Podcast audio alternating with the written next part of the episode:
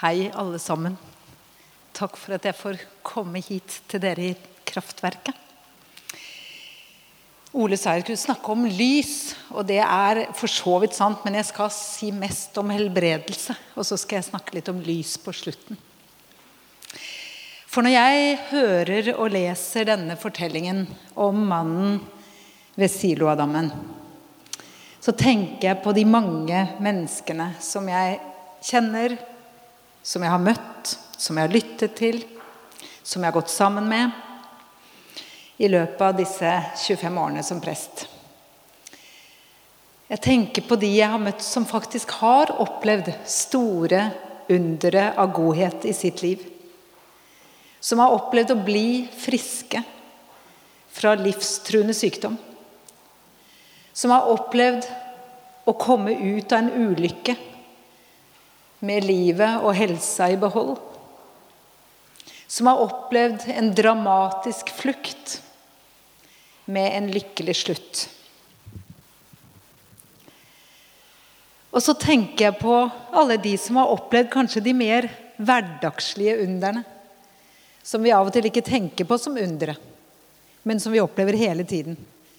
En fotosyntese, en flygelkonsert, en fødsel, en forelskelse, en soloppgang. Og så tenker jeg på de som jeg møter som prest, som ikke opplevde det underet skje som de så inderlig håpet på at skulle skje. I morgen skal jeg begrave en på 25 år som så veldig gjerne skulle levd lenger. Forrige uke snakket jeg med et kjærestepar i starten av 40-årene. Hvorav den ene har fått en livstruende, aggressiv sykdom. Som jeg, jeg viet dem da i forrige uke. Eller han som kommer og forteller om styggen på ryggen. Og hvordan skammen og angsten og depresjonen tar bort livsmotet og truer troen. Vi har ingen enkle svar, eller jeg har i hvert fall ikke det, i møte med både helbredelsene som skjer, og de som ikke skjer. Av og til har jeg tenkt at det nesten hadde vært lettere om de aldri skjedde. At noe av grunnen til at det er vanskelig, det er at de skjer faktisk av og til. Og så tenker jeg at midt i denne verden, fantastisk og forferdelig som den er, så må vi stå der sammen.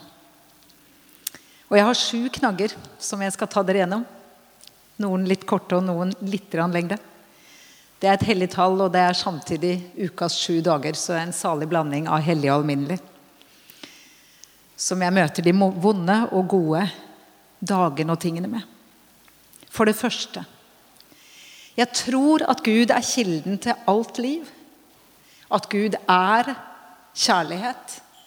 Som alltid er virksom som en vilje som går gjennom verda, snakker også Marie Nesse om. Som holder mennesket oppreist i motvind. Som leger og lindrer og kjemper og skaper hele tiden. Jeg tror at Gud er full av helbredende krefter og sterkere enn alt som truer og ødelegger livet. Jeg tror at Gud er på ferde hele tiden her i vår verden i oss og rundt oss i nærkamp med det ondes makt i verden. Det er liksom bottom line. Det er mitt punkt én. For det andre Gud er ingen automat for trospolletter. Vet ikke om noen av dere reiser så mye med tog som meg og får sånne polletter til å putte på for kakao eller i svømmehallen eller andre steder. Hvor vi bare putter på den riktige mynten, og så får vi ut det produktet vi ønsker oss. Hvis vi er heldige, da. Gud er ikke en sånn automat. Og Av og til, hvis vi legger for mye vekt på helbredelser og undre, selv om det står mye om det i Bibelen, så kan det bli litt sånn putt på sterk tro og riktig tro, og så cash ut det Gud gir, og det skal være det vi ønsker oss. Pass på å tro nok, riktig nok, sterkt nok. Vekkelse og hellige åndslatter og hva det nå måtte være. Prøve å få denne til å stå riktig. Og så får vi det vi ønsker oss. Men så er det jo dessverre ikke alltid sånn. Og Gud er ikke denne automaten for trospolletter. Og jeg tror det er ganske viktig at vi sier det, fordi at i vår tid så opplever jeg at det er en strømning i kulturen vår som ligner veldig på det. Eh, for en del år siden allerede så kom en bok som het The Secret, som jeg ikke vet hvor mange av dere har fått med dere. Det ble bok og film og solgt i millioner. Og Ronda Burns, som skrev denne, hun hevdet at essensen i alle religioner og i hele universet er the law of attraction. Tiltrekningens lov. Og den kunne på en måte oppsummeres i at bare vi tror nok, vil nok, tenker noe viktig sterkt nok, så blir det sånn. At tankekraften på en måte er den høyeste kraft for bønn. Og da er det jo ikke bare sånn at du kan rammes av det onde, men hvis du gjør det, så er det i tillegg bare din egen skyld. Og som en sånn positiv ansvarliggjøring av oss selv og hvordan vi møter livet og krisene, så kan det være bra hvis vi har en tendens til alltid å skylde på andre når noe går gærent. Men som en sånn vulgærversjon av positiv psykologi. Det er ikke hvordan du har det, bare hvordan du tar det. Ut på tur, aldri sur, er ikke dårlig vær, bare dårlige klær. Og kom igjen, og heia, heia. Og vil nok, så blir det bra. Så ljuger det om livet. Og jeg har møtt mange som har blitt brent av en sånn forkynnelse. For det tredje Livet er både ufattelig sterkt og ufattelig sårbart. Vi ser det når vi ser ting som sprenger seg opp gjennom asfalten. Selv den skjøreste lille plante, eller de av oss som har holdt eget eller andres nyfødte barn i hendene, så vet vi at livet er utrolig sterkt. Men mange av oss har også erfart at det er utrolig sårbart. Og Noen ganger så blir jeg fortsatt sjokkert. Nå er jeg blitt 51, men fortsatt blir jeg litt sånn over at hinnen mellom å føle Jeg vil helst gå med bøylemikk, for jeg vil helst bevege meg. Så nå må dere tenke dere at jeg står her borte. Enten at jeg føler at livet er på stell, og alt fungerer, og det går rimelig bra, og jeg er takknemlig, og jeg vandrer gjennom Sankthansparken og bare tenker at ja, jeg landa. Og på den andre siden at jeg kan kjenne at det er så skjørt, og at avgrunnen er så nære at jeg tenker at nå brister det. Den grensen kan være utrolig tynn. Og man trenger ikke å være innlagt for å kjenne på det. Og det er fordi at sånn er livet. Både så sterkt og så sårbart. Og jeg tenker at Hvis vi tenker livet skal være perfekt og fritt for lidelse Det ene er jo at da er vi dårlig rusta, for sånn er det bare ikke. Men det andre er jo hva sier vi om de som da lever med, kanskje blant oss eller andre, med sykdom, med begrensninger, med kroniske smerter, med sorger og tap. Da blir det jo på en måte at da er man annenrangs menneske og har annenrangs liv.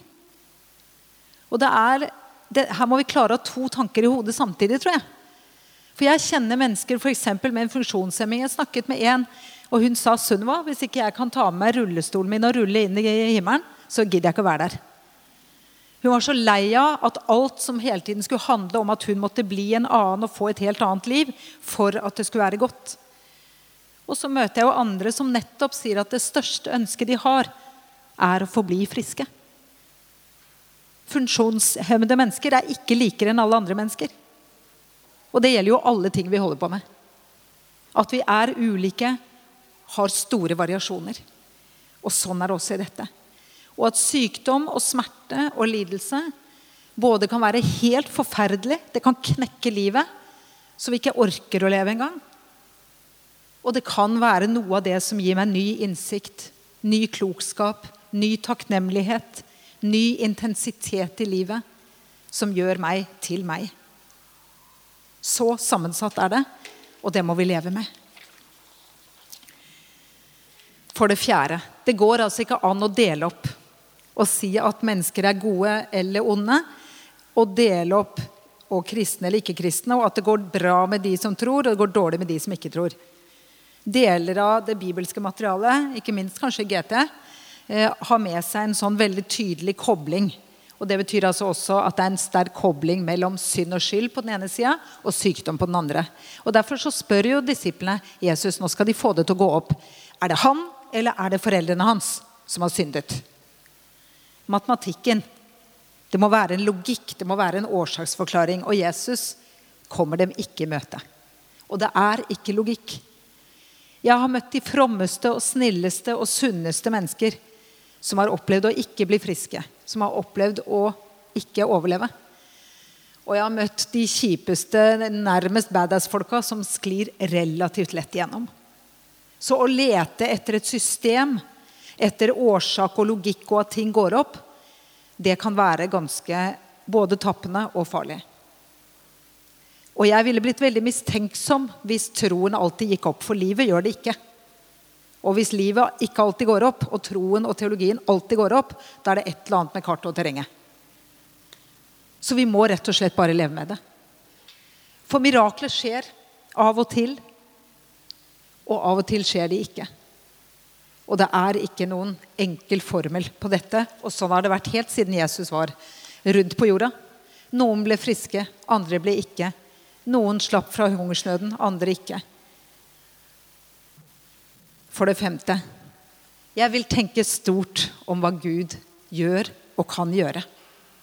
Undrene er Guds rike tegn. I dagens tekst så sier Jesus, når han blir spurt om dette, at det handler ikke om hvem som har gjort hva, finne en scapegoat. Men det handler om nå kan Guds rike bli åpenbart på ham, sier Jesus. Tegn til håp. Tegn som viser hvordan det skal bli når Guds rike bryter fram at Guds helbredende krefter virkelig viser seg sin fulle kraft. I fellesskapet, i naturen og skaperverket, i oss.